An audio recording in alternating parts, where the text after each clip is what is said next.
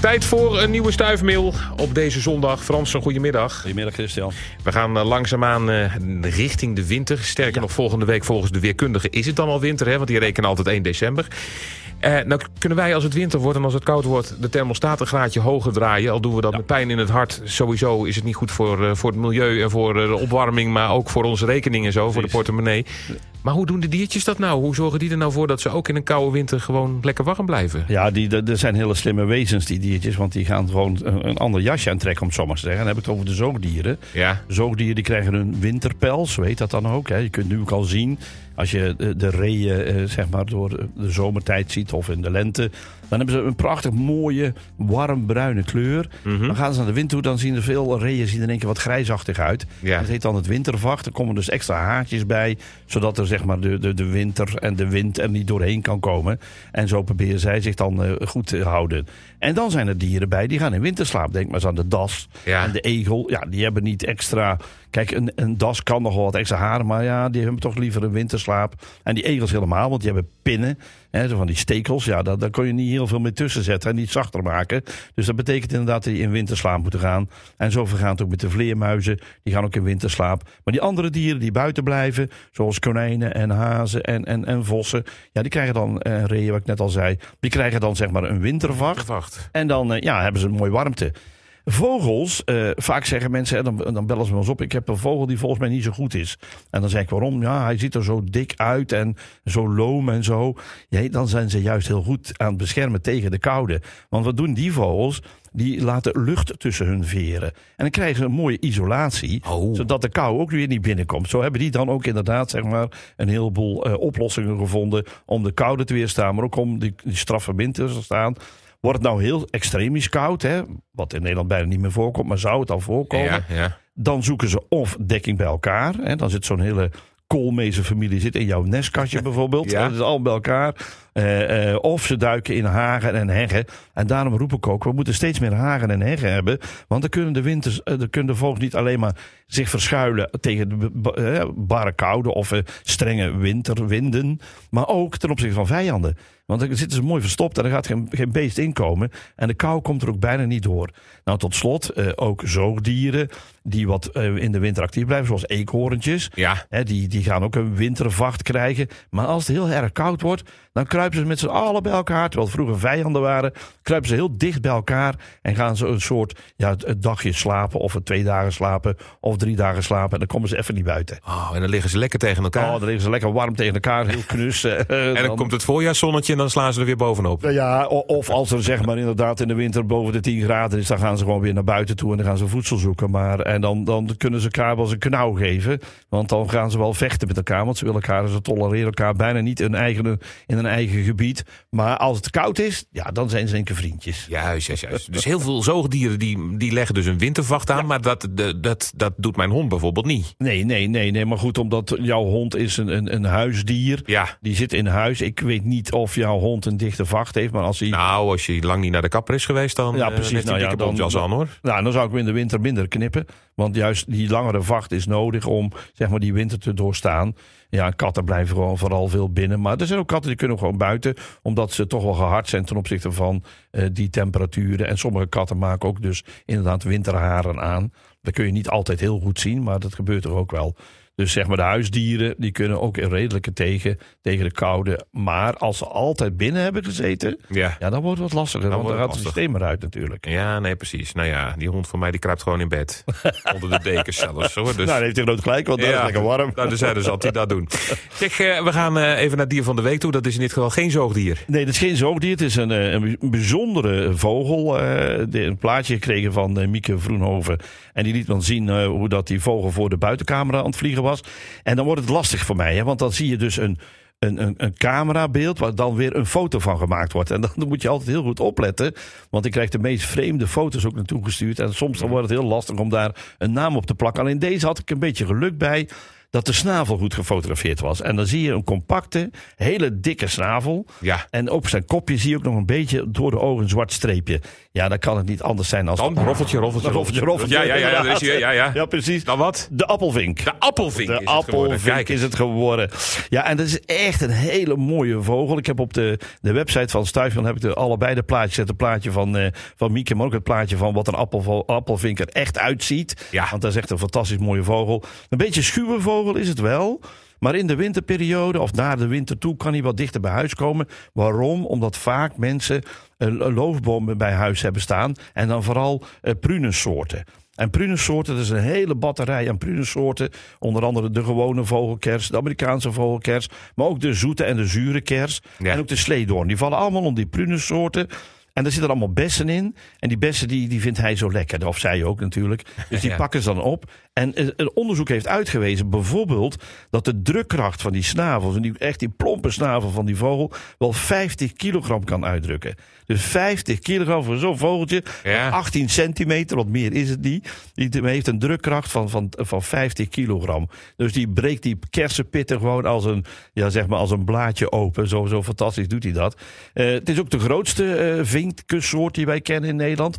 Eh, zeg al 18 centimeter. Onze gewone vink, die mensen wel vaak bij huis zien, die heet dan vink of boekvink, zo wordt hij ook nog steeds genoemd. Connie Vink, hè? Ja, de- nou ja, die is gewoon drie, drie centimeter, drie, drie centimeter kleiner. Oké. En dat is, eh, dat is de meest bekende. En daar komen ook al die spreuken vandaan als de vinkenslag. Ja. Hè, omdat de mensen vroeger heel veel vinken gingen vangen. Ja. Maar wat tegenwoordig dan de vinkenslag is ook dat bekende liedje. Ik zeg altijd, ik heb bij, ja, bij Thijssen geleerd. Hè. Als, je, Ja. als je in het bos loopt in het Jacques P. Thijssen, hè? De... Jacques P. Thijssen Ja, ja, ja. heeft een prachtig boek hè? geschreven. Vogelenzang. Ja. dat is een woord alleen al. En daarin beschrijft hij de zang van de, van de vink als volgt. Ta-ta-ta-ta, Jansenmarie. Nou, als je dat dan hoort in het bos, dan weet je dat dat een vink is. Hè? Dus eh, ik, ik ken dat ook alleen maar bij Jansenmarie. Andere mensen heb ik wel eens gehoord die zeggen dat Suskewiet. Maar voor mij is het Jansenmarie. Jansenmarie. Jan, dankzij Jacques P. Thijssen. Ja, Vinkers, ik zit te denken, waar ken ik die naam van? Dat was toch dat woonwagenkamp bij, bij Maastricht, toch? Vinkerslag? Ja, dat was Ja, toch? Dat moet maar een kamp, Daar ja. zaten ze ook. Ja, ja. waarschijnlijk is er ook een slag geslagen daar. Dat, dat gebeurt in dit geval ander verhaal. Een ander verhaal, precies. Die vinkenslag ging dus juist over dat heel veel vinken gevangen werden. En die werden dan in kooitjes thuisgezet, omdat die prachtige kleuren hebben, die gewone vinken. Maar goed, de appelvink is dan het, het, het beetje van de, de, de week geworden. En ja, het is een fantastisch mooi diertje. Nou, je kunt de foto in ieder geval zien. En ook de foto die jij ernaast hebt gezet, waarvan je zeker weet van... nou, zo ziet hij er in ieder geval het meest herkenbaar uit. Juist, juist. Even op het artikeltje. De link die zetten we gewoon bij eh, deze beschrijving van, Ja. van deze podcast. Eh, welke diertjes hadden ook zomaar dier van de week kunnen zijn? Want er is echt eh, van alles natuurlijk Ja. gefotografeerd in deze tijd. Ja, precies. Ik kreeg een hele vreemde foto van Flip de Nijs. En er was ook een, een Van Flip zelf, foto. of? Nee, niet van hem zelf, maar van een, een diertje. Oké. En in dit geval eh, dacht hij dat het een merel was. Mhm. Maar die had heel veel wit bij zich. En dat klopt ook, want hij heeft een, een, een merel inderdaad gefotografeerd. Met heel veel wit eh, tussen de zwarte veren. Ja. En dat wit komt door leucisme. En eh, die, die merel die daar in de buurt is rond gaan scharrelen. Het, kan, het is ook al erfelijk. Dus het kan zijn dat zijn, zijn ouders het gehad hebben. Ja. Maar het heeft in ieder geval te maken met het slecht voedsel. Dus heel slecht, voedsel. voedselpatroon. Eh, dat beest heeft dus zeg maar waarschijnlijk eh, te veel chips gegeten. Of eh, alle rotzooi die Alle weggegooid is. dus die wij, wij mensen weggooien.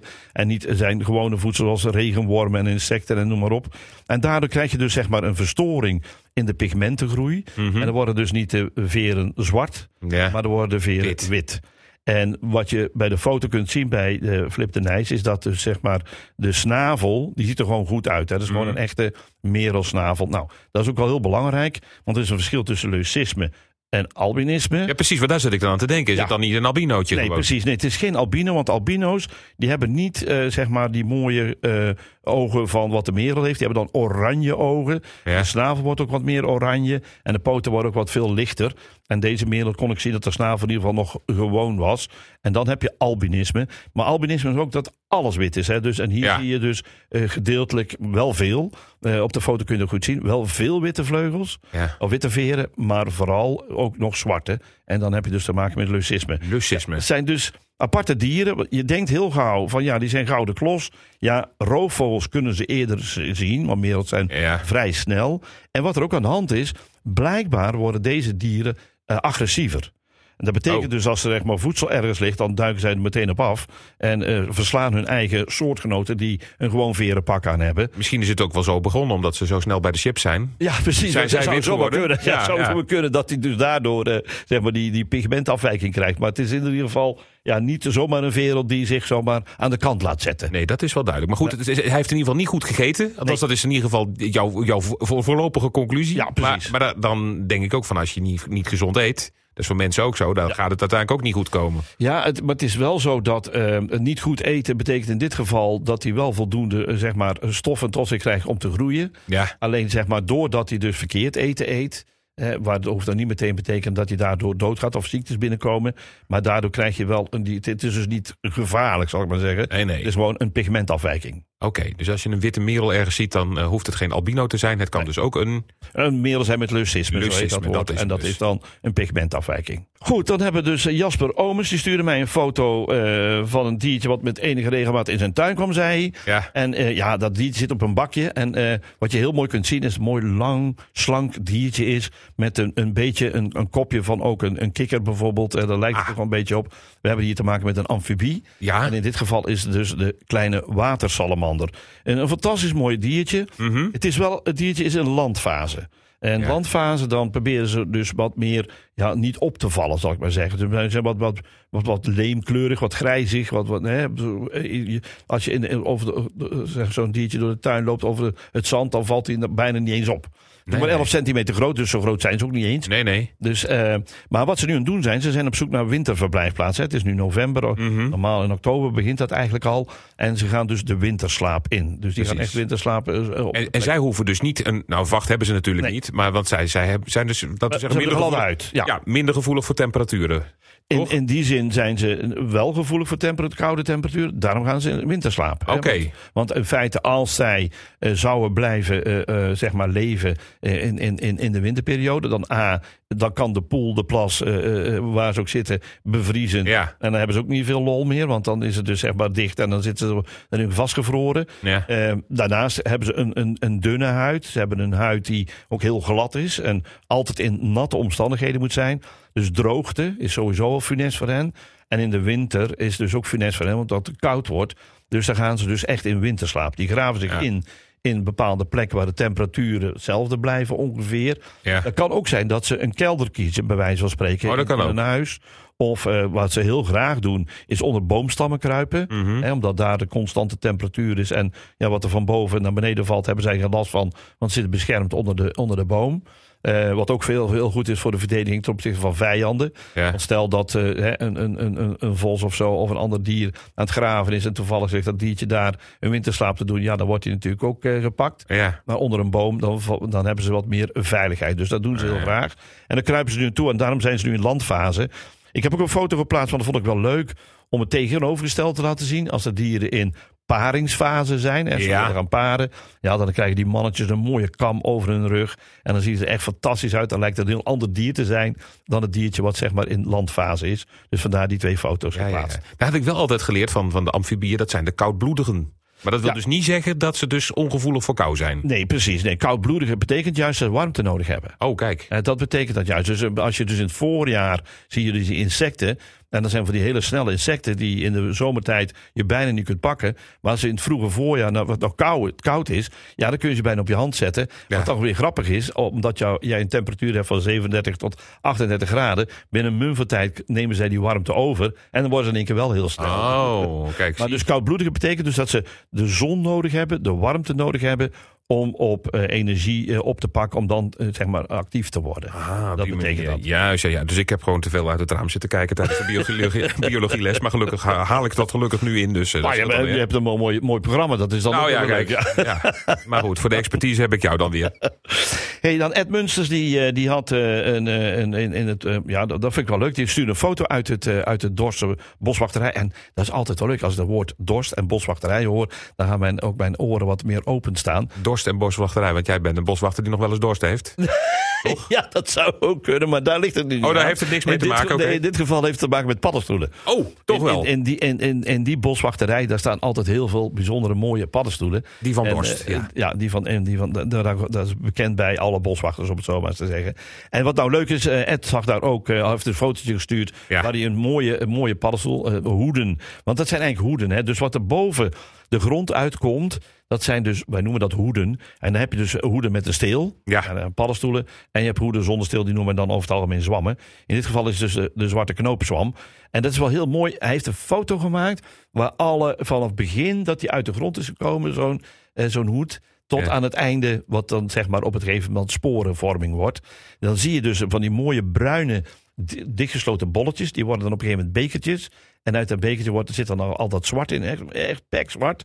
En eh, als dat dan zeg maar helemaal open staat en het bruin, bruin is verdwenen, dan gaan de sporen de lucht in. Dus dat is kei gaaf om dat te zien. En daar heeft hij een heel mooie foto van gemaakt. Eh, komen voor op eh, loofbomen, eiken en Ja. beuk vooral. Ja. Maar dan wel afgestorven loofbomen. Dus het zijn geen parasieten. Het zijn dus saprofieten die pas komen als de boom al gestorven zijn. En dan zitten ze het liefst op takken of op kleine stammetjes van die bomen. Solitaire bomen, daar zul je ze niet zo vaak zien. Maar je kunt ze ook in je tuin hebben. Als je een paar loofbomen in je tuin hebt staan en dan valt er een keer een tak af. Dan kan er zo'n paddenstoel of zo'n zwam opkomen. Die heet de zwarte knoop. Zwam. Ik heb het opgeslagen. Ja, Ja. goed zo. Corrie Duindam, die, eh, ja, die, had, die, die stuurde me een foto. En ik dacht meteen, ja, daar is het. Want dat vind ik zo mooi. Dat gaat over een, een heel bijzonder eh, exemplaar van de schimmelfamilie. De Eh, schimmelfamilie. wat zij had gestuurd was van op een conferentiepeer zag zij eh, eh, een, een, een, vreemd eh, ja, groeisel aan de onderzijde van het blad. Ja. En aan de bovenzijde zag ze een soort oranje vlek zitten. Dat kan Mhm. geel-oranje zijn. Dan hebben we hier te maken met de peer eh jeneverbes roest. En dat is een, mooi, mooi woord. En wat gebeurt ja. er daarmee? Want die roesten, schimmels, dat zijn hele bijzondere schimmels. En in dit geval, die twee namen slaat ook nog eens op die twee soorten die ze nodig hebben. Dus die, eh, die, eh, eh, die zwam, of die schimmel, die legt, ja, de sporen komen dan op het blad van de peer, perenblad neer. Hè. Dus daar komt een, een sporen vallen daar neer. Die gaan daar, zeg maar, in dat blad die oranje vlek maken. En aan Mhm. de onderzijde komt dat hele vreemde groeisel. En in dat vreemde groeisel, daar zitten weer opnieuw sporen. Ah. Die sporen die waaien weg. En die moeten dan landen op een jeneverbes. Maar tegenwoordig hebben ze ontdekt dat ook andere, andere coniferen een soort tweede plant zijn. Want die hebben dus twee planten nodig om de hele cyclus rond te krijgen. Nou, en op die jeneverbes eh, vindt dan ook weer een vorm plaats waarin dus weer iets ontstaat waardoor er sporen gevormd worden. En vanuit die jeneverbes en dat groeisel wat daar zit, vliegen de sporen weer door de lucht, komen op zo'n perenblad neer en de cyclus begint weer opnieuw. Nou, En dat is natuurlijk heel mooi bij die eh roeszwammen. Want er zijn er meerdere die dat hebben. Die hebben dus zeg maar twee eh, soorten planten nodig om te kunnen overleven. En dat is natuurlijk wel heel grappig als je dan dat ziet dat, de, dat er dan die twee soorten planten ook altijd moeten zijn. En het leuke ervan in deze is, want daarom ben ik er zo enthousiast over, mm, is dat die, zocht die, die peren jeneverbes, eh, zeg maar, roest, die heeft voor elkaar gekregen om ook andere coniferen te vinden. Want hij zat eerst alleen maar op jeneverbessen. En het gaat niet zo best met jeneverbessen in Brabant of in Nederland. En dus moest die roest een andere plek zien te vinden. en dat lukt hem dan ook En dat is hem nog gelukt ook nog. Goed, dan heb ik eh, vanwege het feit dat er weer eens een keer is gegaan over salamanders... heb ik toch een mooi Ja. filmpje opgeduikeld van Varen Vroege Vogels... waarin dus de vier watersalamanders in beeld komen. Ah. En dan kun je heel mooi het verschil zien tussen de vinpoot, de kleine, de alpen en de, zeg maar, de kamsalamander. En dan zie je dus hoe die verschillen zitten en wat die beestjes allemaal doen. Dat is een kei leuk filmpje. Leuk. Ja, ik vind salamanders sympathiek op de een of andere manier. Ik weet niet hoe dat komt. Ja. Volgens mij zijn het gewoon lieve diertjes. Ja, iedereen vindt dat. Hè? En als je dat is niet over- zo? Ja, wel. Nou ja, wel. Ik bedoel, het is net als een reptiel. Ze eten insecten, dus daar moeten we blij mee zijn. Dat is zeker zo. Maar op de een of andere manier hebben ze gewoon een vriendelijke Ja, uitstraling. ja die veel vriendelijker als, als, als zo'n eh, bijvoorbeeld de hagedis. Ja. Die, die, de, Ja. mensen kijken mensen al meteen aan van, hé, hey, wat is dat voor een beest? ja.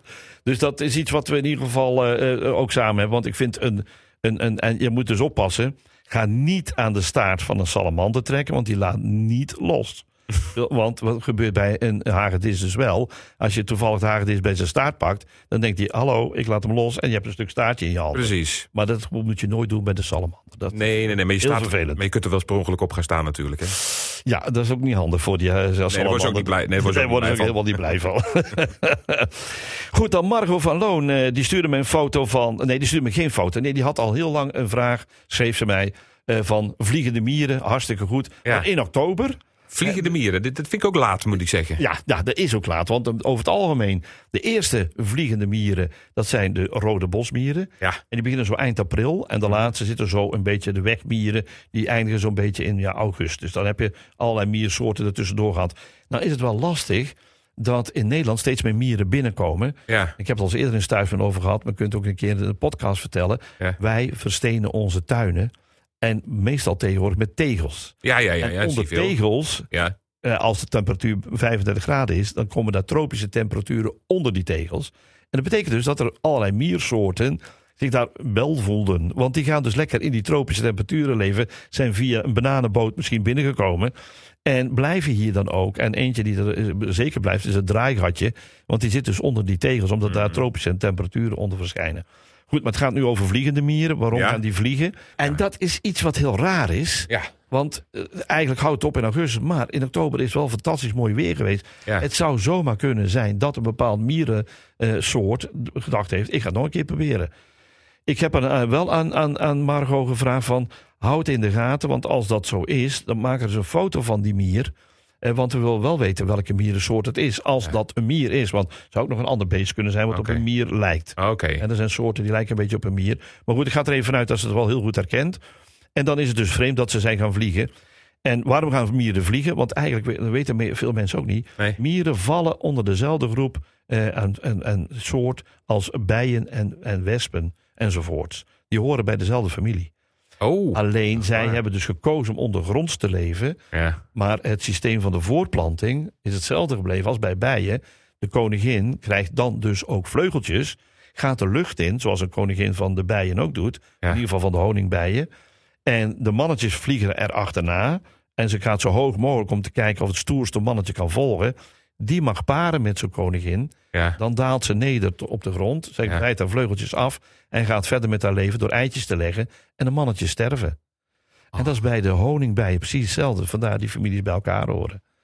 Jeetje. Maar goed, waarom eh, in oktober? Dan komen we misschien in een latere eh, podcast achter. Misschien volgend jaar. Ja. Dirk Zoontjes die had een, eh, een, een, een, een waarneming. Hij zag twee konijnen wegvluchten aan de rand van Bla- Bladel. En dan zag je in één keer een hele grote kat. Ja. Die hoog op de poot stond. Spitse kop, wel een kattenkop. eh, bruin vlekken had, enzovoorts, enzovoorts. En hij dacht, ja, welk diertje is dat dan? Weet jij toevallig? Ja, nee, want het is heel lastig om te zeggen. Ik heb dus foto's erbij gezet welke het zou kunnen zijn. De Bengaalse kat of de Serval. Er zijn twee katten die ons land zijn binnengekomen. Over de Bengaalse kat heb ik vorige keer gehad. Serval is ook zo'n kat die steeds meer mensen gaan houden. En die worden geïmporteerd. Ja, en vanaf eh, gelukkig 1 eh, januari 2024 is het afgelopen. Want dan mogen dit soort beesten niet meer gehouden worden. Er mogen nog maar in totaal, hebben we begrepen, 300 verschillende zoogdieren zeg maar, gehouden worden. Alle andere moeten zeg maar weg. Of in ieder geval mogen nooit meer ingevoerd worden. eh, mogen ook niet meer verhandeld worden. Dus ja, als dat in de illegale handel komt, dan ze ook meteen opgepakt. En steeds meer lukt het de douane om dat soort schepen tegen te houden. waarin dat soort illegale beesten zitten. Want wat doen we? We roven in het land waar die beesten zitten, roven biodiversiteit weg. We zetten het hier neer. We kunnen ze vaak niet houden, omdat mensen niet weten wat voor soort gedrag ze allemaal hebben en ontsnappen. En ja, veroveren hier de biodiversiteit die daardoor weer acht- achteruit gaat. En we hebben zelf zulke leuke katten. Nou, precies toch een leuke zeg. kat wil. Gewoon een leuke huisdieren. En als mensen huisdieren houden, behoud gewoon bij een leuke, een leuke kat. En koop geen krokodil of een, eh, of een tijger of weet ik veel wat. Want ja, in Parijs zitten zeg maar krokodillen in een riolering. Omdat de mensen krokodillen hebben gehouden. Er zitten echt krokodillen Ja, in de... echt Echt serieus, in ja. Parijs? Ja, want Oh. wat het is, ze, kopen dan van die kleine kaaimannetjes. Ja. En dat is kei leuk in, in de vijver, zal ik maar zeggen. Of in je groot aquarium. Ja. Maar die worden groter. Ja, Ja, dan weet je wat ze moeten doen. En soms ontsnappen ze. En dan, ja, dan zijn we een triool. Oké. Nou, we hebben ook al in Nederland al schildpadden. Dat is ook niet normaal. Nee, dat hoort ook niet. Nou, bijzonder. Goed, dan hebben we nog een hele mooie natuurtip. Ja, Eh, want ja, we hebben het de hele dag over regen. Het wordt koud en, eh, en, en, brrr, en binnen zitten. Doe maar graag dan. ja. Eh, maar dan is het een hele leuke natuurtip om eens een keer naar het Natuurmuseum Brabant te gaan. ja waarom niet? Dat zit in Tilburg. Ik heb er hele, zeg maar, openingstijden en alles wat erbij hoort heb ik op de site van Omroep Brabant gezet. Bij Stuifmeel kunnen mensen zien wanneer ze kunnen gaan. En ik, geef een tip mee waar ze naar, hebben zitten, een aantal tentoonstellingen zitten daarin. Hè? En een van die tentoonstellingen is mispoezen en pechvogels. En die, dat is echt een aanrader. Daar moet je echt gaan kijken, want er zijn hele leuke dieren die daar staan. Al die mispoezen en die pechvogels. Maar ga maar eens kijken, want ik ga er niet meer van vertellen. Want het is veel leuker om het zelf te zien. Zo is dat. Nou, alle plaatjes bij alles wat we, nou ja, wat we verteld hebben, wat jij vooral verteld hebt. dat zien we bij het eh, artikeltje en eh, die zie je hier in de link bij deze podcast staan. Frans, tot de volgende. Tot de volgende.